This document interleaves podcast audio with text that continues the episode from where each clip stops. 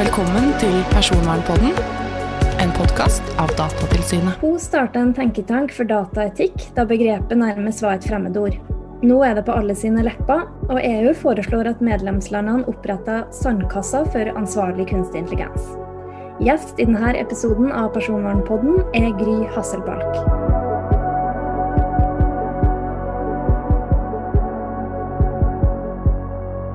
Jeg heter Kari Løymann. Jeg jobber i Datatilsynet som prosjektleder for Sandkassa for ansvarlig kunstig intelligens. Der vi hjelper virksomheter til å utvikle og bruke personvernvennlig KI.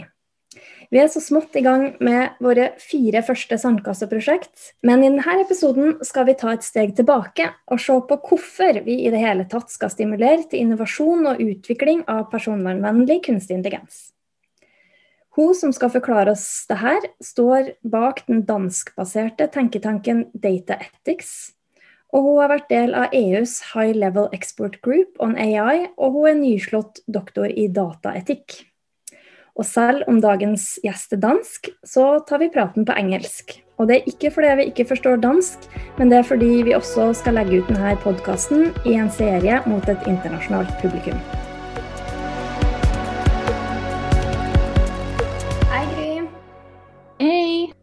Dr. Gry Hasselbalch, PhD of Ethical Data. How do you like your new title? Uh, I enjoyed, but I mean, I feel like that I got more of a certification from from the work I did outside. Uh, so you could say I'm kind of a PhD now certified, but uh, I think very much we have to appreciate the experiences we get outside uh, kind of academic context.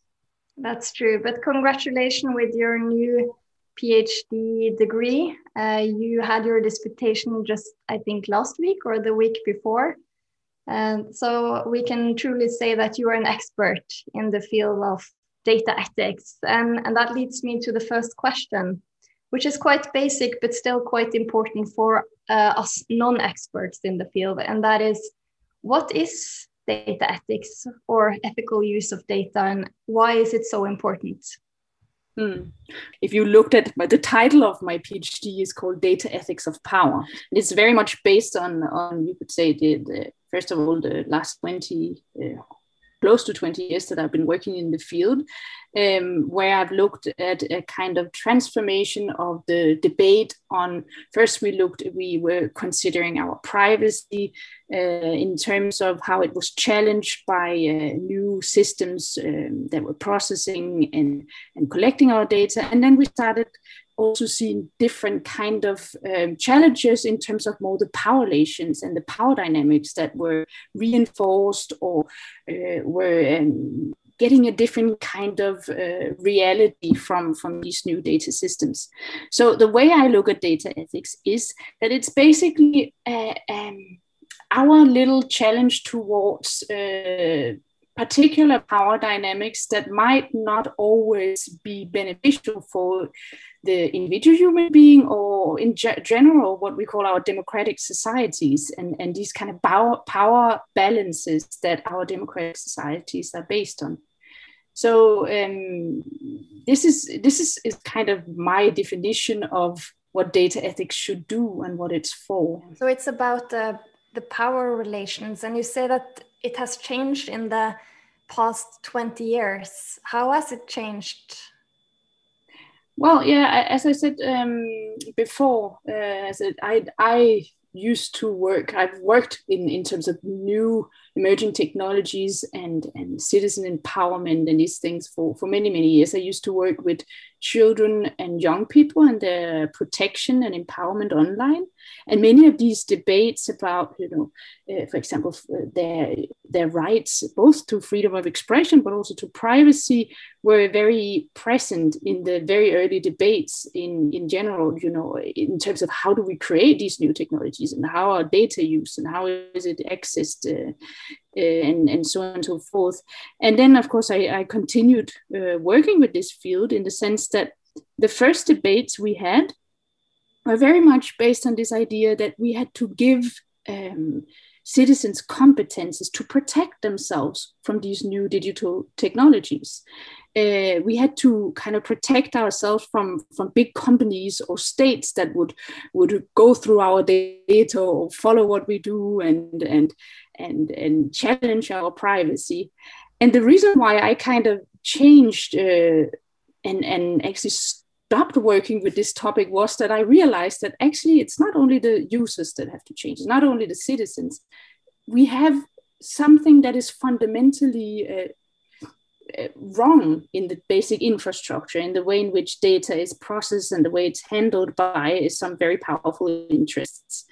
And so um, I think probably I'm not the only one who had those thoughts at that uh, time. That was around the, you know, the, the when in the 2010s when the GDPR came out, you know, the General Data Protection Regulation. I don't have to explain what that is in this context, I'm sure.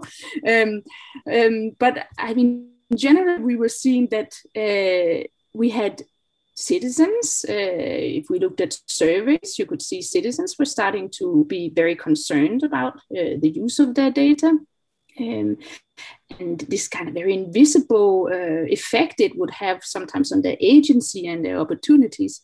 And then we had the legal aspect, as I said, the GDPR that came out, which was a kind of symptom of a change also in the policy environment, where where policymakers were starting to to understand the power of data not just as something where someone gets access to someone's data and we we challenge our privacy but as i said before something that that fundamentally can shape our democracies and, and also challenge the, the powers and the sovereignty, for example, of states uh, and, and, and regions. And so we started having, that was the very early time, we started having regulations. Um, companies, something that I worked with uh, very much when I left um, the, this youth online empowerment and protection field and started working with uh, a Danish journalist called Pernille Tranberg. Um, we decided that maybe we should focus on the companies, the ones that build the, the, the data technologies, and and see, you know, are there any are they also changing the practices? And we actually saw, um, we wrote a book about it uh, called Data Ethics, a New Competitive Advantage. But while we were doing our research for this book, we saw that there was actually also companies that were changing their practices, that were actually realizing that, you know, big data, just to collect every data, piece of data we can and, and do whatever we want with it uh, for, for profits or for efficiency of services was actually something that somehow would bite you in the end later on because consumers or or um, your customers or even the legal uh, sphere would either come up with requirements or you your customers would not trust you anymore.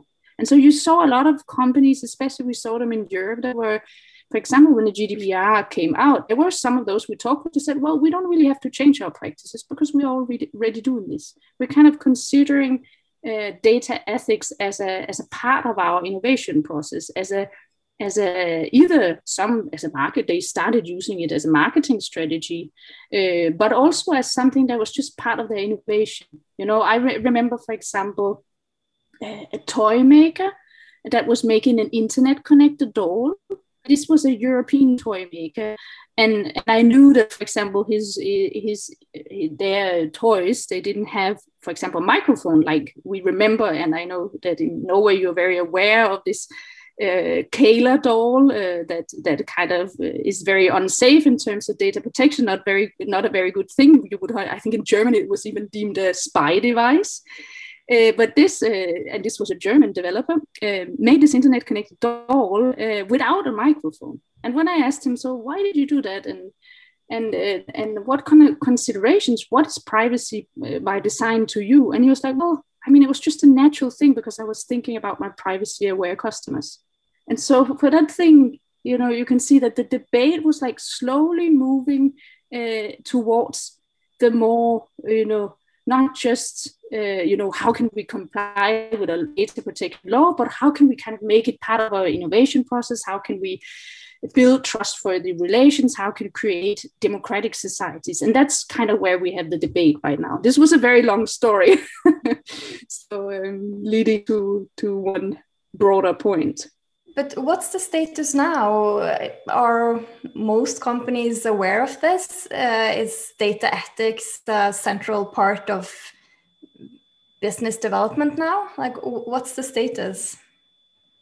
Well, I think any big company uh, will have to consider have data ethical considerations. I mean, generally the entire environment, the entire ecosystem of, of big companies and also the requirements uh, from investors and things are very aware of the ethical challenges of uh, not being aware of risks and not managing your data in proper ways. So I think that generally most companies are aware of it. A lot of companies are also struggling to understand what does it mean to not just comply with the law, but to actually respect the values of the, of the law. Mm. So in terms of if you want to, for example, create a, a service where you use uh, or you have to do something with personal data and where you have customers that add that personal data.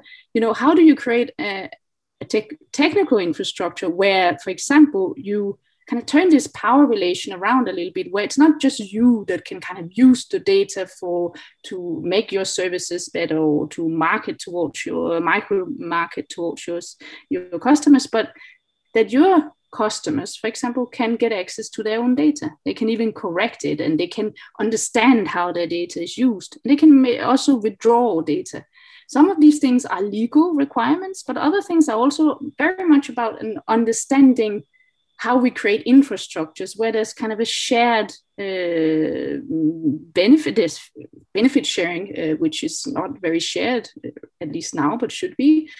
Um, but also just that generally that it's um, trustworthy, no? Mm. Yeah, I think trust is a key word here.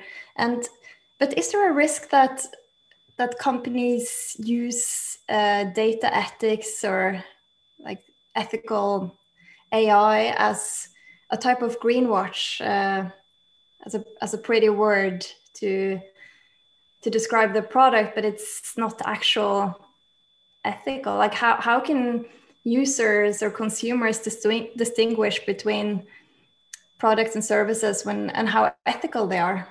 Mm.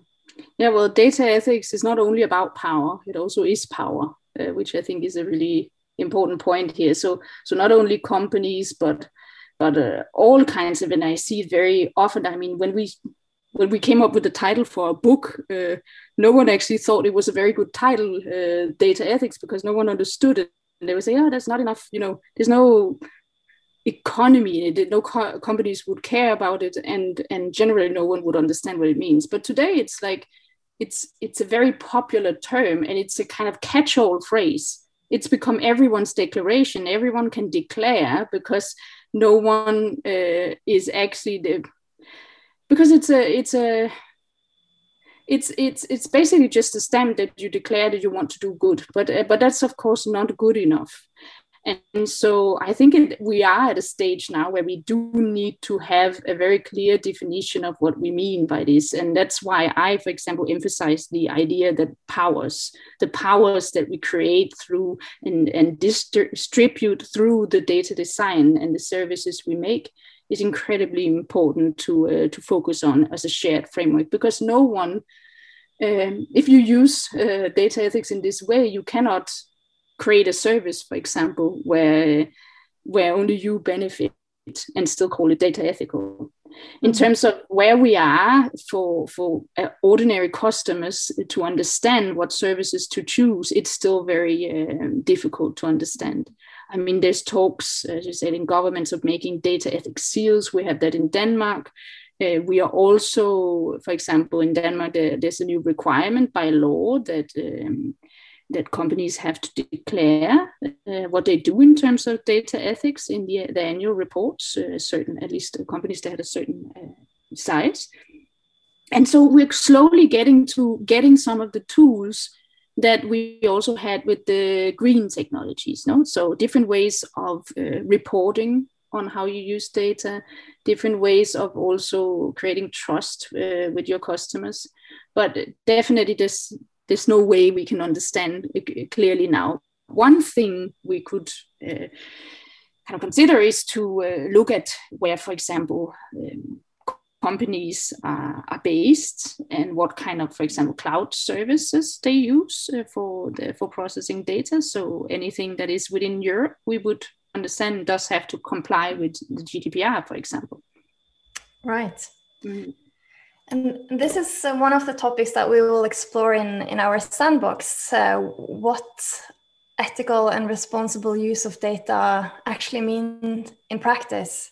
So the Data Protection Authority will work directly with companies with specific um, AI use cases to explore what does this mean in practice.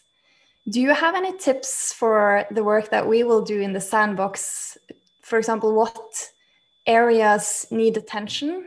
Yeah, I think one of the key challenges is kind of where we process our data and how what kind of tools we use for it in AI. As I mentioned, the cloud services, most of the ones you use for for AI, for example, and for the AI infrastructure are you know the key ones Azure and and and AWS and and IBM and and these kind of services. So so the very infrastructure uh, is very often uh, drawing on, or at least the data is drawing on something that is a third party and external to to to maybe our interests. Uh, and I think that's something that should be be explored. You know, uh, what kind of even hardware and software, in very concrete terms, uh, is used for processing data, and how does that challenge uh, some of the things we want to do with data?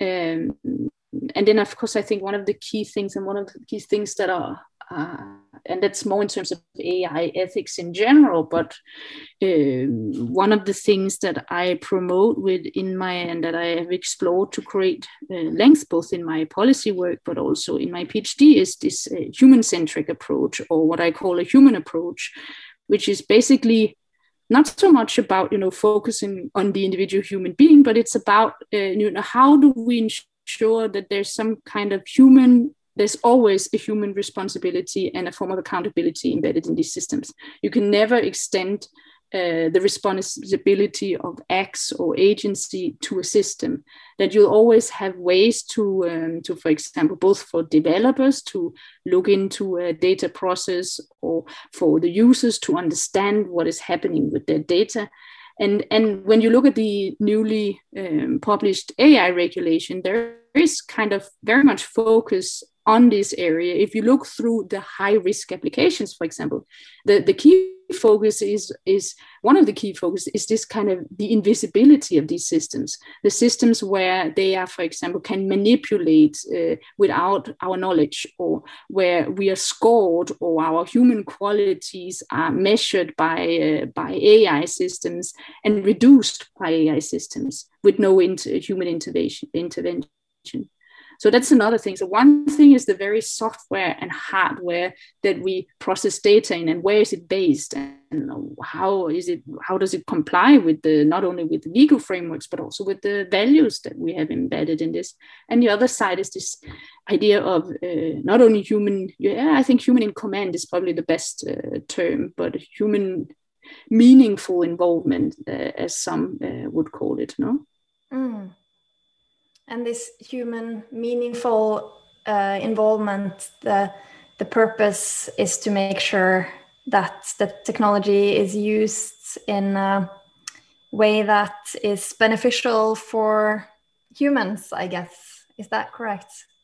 Yeah that's part of it. Uh, actually actually it's not the entire thing. I think that's how it's interpreted sometimes. So because it, it relates back to our fundamental rights framework that is very much based on the individual human being and the rights of the individual human beings in a, a democracy. But I would like to extend that uh, analysis to consider more the responsibility of humans so we keep our we, we keep being responsible of the things that we build the technologies we build that we don't extend our for example ethical responsibility if we build an ai technology that is biased then it's our responsibility it's also uh, it's the developers uh, responsibility but it's also users responsibility to, to understand that we when we deal with these technologies they're not just these neutral forms where we can get uh, a, a, fair information. It's actually uh, it's it's a political uh, item. It's a value based uh, item. We're interacting with value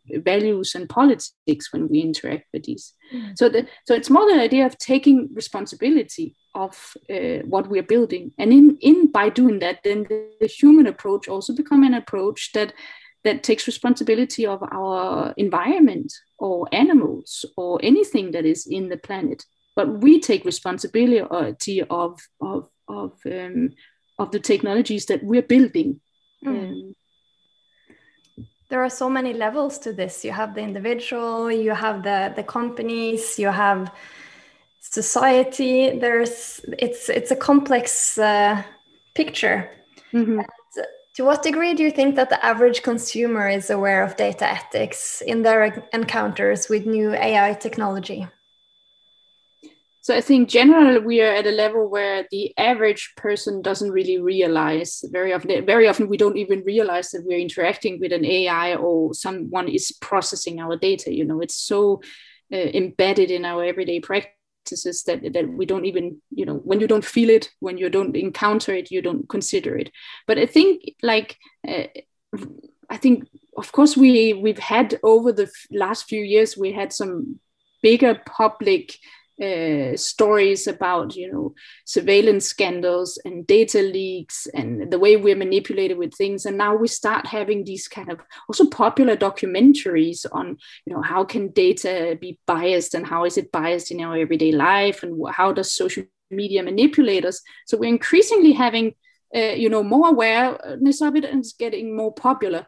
And then on the other side there's also this that people are having more and more experiences of uh, you know being mistreated or suddenly losing an opportunity for some reason. Like the best example of this that is a very famous example in the united states is this man that comes home from work and then he's arrested by the police and he stays over a night at the police station um, and realizes that actually it's because there's a facial recognition system that has compared his image with uh, that of a criminal. And the police haven't even uh, uh haven't even questioned uh, this um, this match until the very end uh, he realizes wow there's a match. And of course it's a match between he's a black man himself and the criminal was also a black man. And of course and so his experience is this thing you think all black men look alike so so we all have that's a good example of an individual experience but we have all these uh, experiences every one of us increasingly not that extreme but on like little levels. So yes we're starting to become more aware and we're starting to demand changes. You mentioned the, the new eu proposal for regulating responsible ai um, do you think regulation is is the best way to stimulate both innovation but also responsible use of of AI? Is regulation the the way to go? I think it's part of the solution. I mean, one thing we have to emphasize, and that actually also the AI regulation is emphasizing this thing that we have existing laws like the fundamental rights framework like the gdpr and many other laws that already apply and and and the ai regulation doesn't replace those. So regulation is is one aspect uh, aspect um, of uh, what we could call if we want a change in the way that uh, that our data technologies and data infrastructures and technologies in general are kind of part of our lives. But there's, uh, I mean, I think it's really important that we're aware that any solution to a very complex problem in general also needs a very complex solution. So there's a, there's different aspects. So there's something that laws can do. Laws they are spelling out and they've been negotiated and, and we agreed on some specific uh, frameworks that can be transferred into practice in a in a in one way. But just to require that we build safe uh, and trustworthy AI is not enough. Uh, I, I, mean, we also need um, to change the way that we understand technologies and the way that the education of the ones that builds the technologies or um, or even the users uh, that are using them. We need a, a, particular level of kind of AI literacy or data literacy in general that we can only get through, for example, education or um, other kind of cultural practices. And then there's the layer of uh, you know um, actually very in very basic economic terms is that of course uh, you cannot create a startup uh, uh, that is completely um, innovative unless it actually has some kind of funding. So you, we do need a, an environment that that invests in these kind of solutions. So there's different layers I, I mean, I, th- I, think the best example uh, is, for example, consider public procurement of AI, for example. So one thing is that you actually require the public procurers have to consider data ethics in in eh, when they procure an AI system. But I I mean, first of all, there has to be uh, data eth- systems with data ethics to procure. Um, it's not enough that you just have existing companies that has oh we have to require with that uh, we have to oblige to this and that rule. They actually have to actually also have the innovative environment to actually be able to bid for a public procurement like that. And on the other side, side you have the public procurer that has to know what they have to ask for.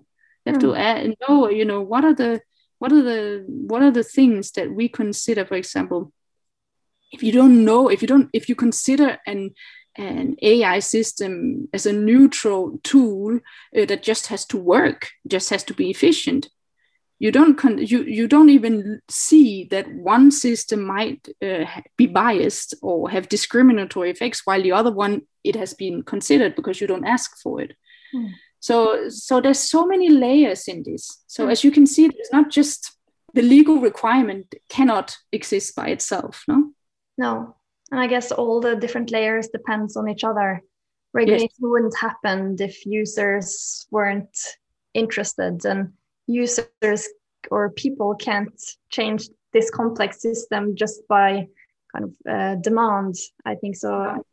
All parts need to work together.